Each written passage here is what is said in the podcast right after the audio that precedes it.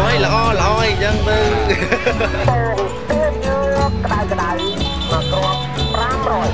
Het is ochtend in het avondland. Een podcast van Chris Janssens.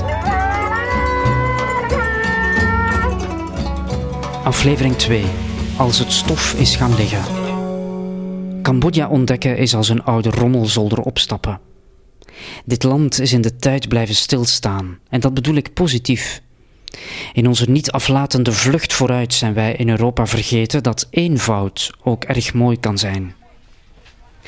Mijn favoriete ontbijtplekjes zijn die waar de vrouw des huizes op een gasvuurtje kookt terwijl haar gezinsleden wakker worden en achter de keuken staan te douchen met een wasstijl en een schepje.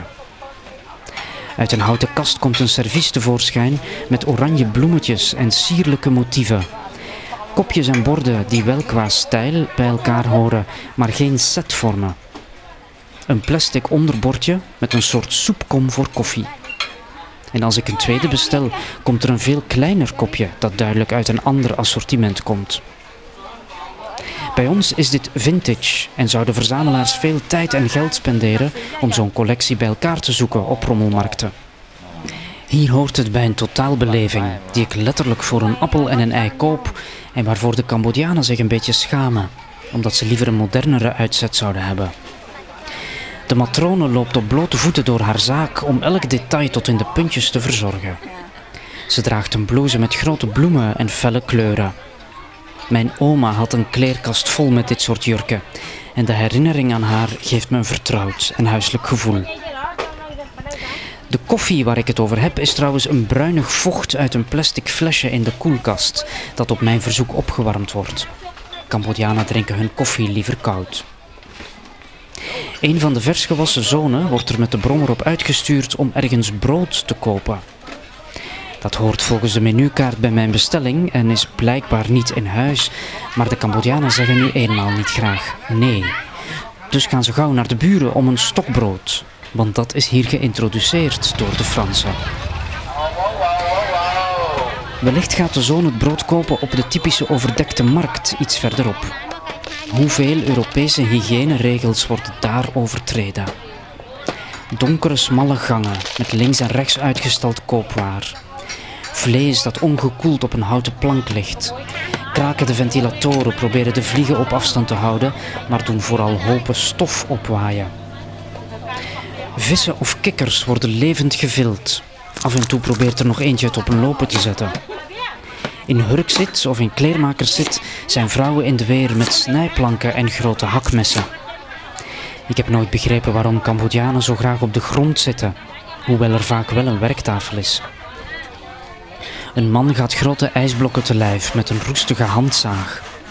De enorme balken worden eerst tot kleinere volumes versneden en gaan dan door een hakselaar, zodat het blokjes worden voor in je glas. De ijsboer werkt tegen de klok, want zijn koopwaar smelt weg waar hij bij staat. Er wordt elke dag enorm veel werk verzet en energie verbruikt om het land af te koelen. Niemand draagt een haarnetje. Sterker nog, tussen al die kraampjes met voedsel zie ik plots een piepklein kapsalon. Onder mijn voeten stroomt een dun riviertje met zwart vocht naar het laagste deel van de markt, waar het onder twee ongelijk liggende stenen verdwijnt. Tussen de kraampjes hangen grote plastic zeilen die eruit zien alsof ze al jaren niet meer gewassen zijn. Een eind verderop komt de poelier met zijn koopwaar toe. Een tiental levende kippen zijn met de poten vastgemaakt aan de bagagedrager van zijn brommer.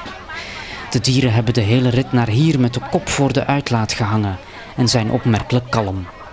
Alsof ze beseffen dat hun laatste uur geslagen heeft. Gaia bestaat niet in Cambodja. Dat groezelige kantje van dit land spreekt men net aan. Het gevoel dat het nog niet af is, houdt een belofte voor de toekomst in. Het voordeel van imperfectie is dat je kan dromen over hoe je het wel zou willen. Intussen hangt het land met plakband en ijzerdraad aan elkaar en dat mag wat mij betreft nog even zo blijven. Zoals Vlaanderen achterbouw kent of heeft gekend, zo bestaat in Cambodja koterij aan de voorkant van het huis.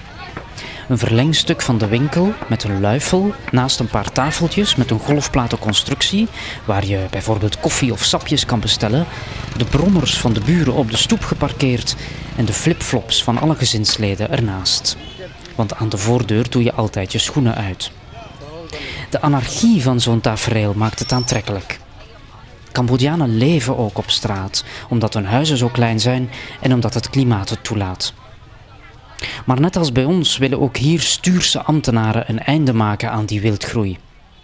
Met een meetlat in de hand geven ze aan tot waar de publieke ruimte mag ingepalmd worden.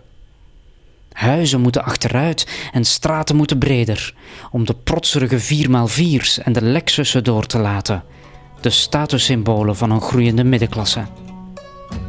En de veranderingen gaan snel. Het Cambodja zoals ik het vandaag ken en zoals ik het hier beschrijf, zou over een aantal jaar wel eens grotendeels verdwenen kunnen zijn.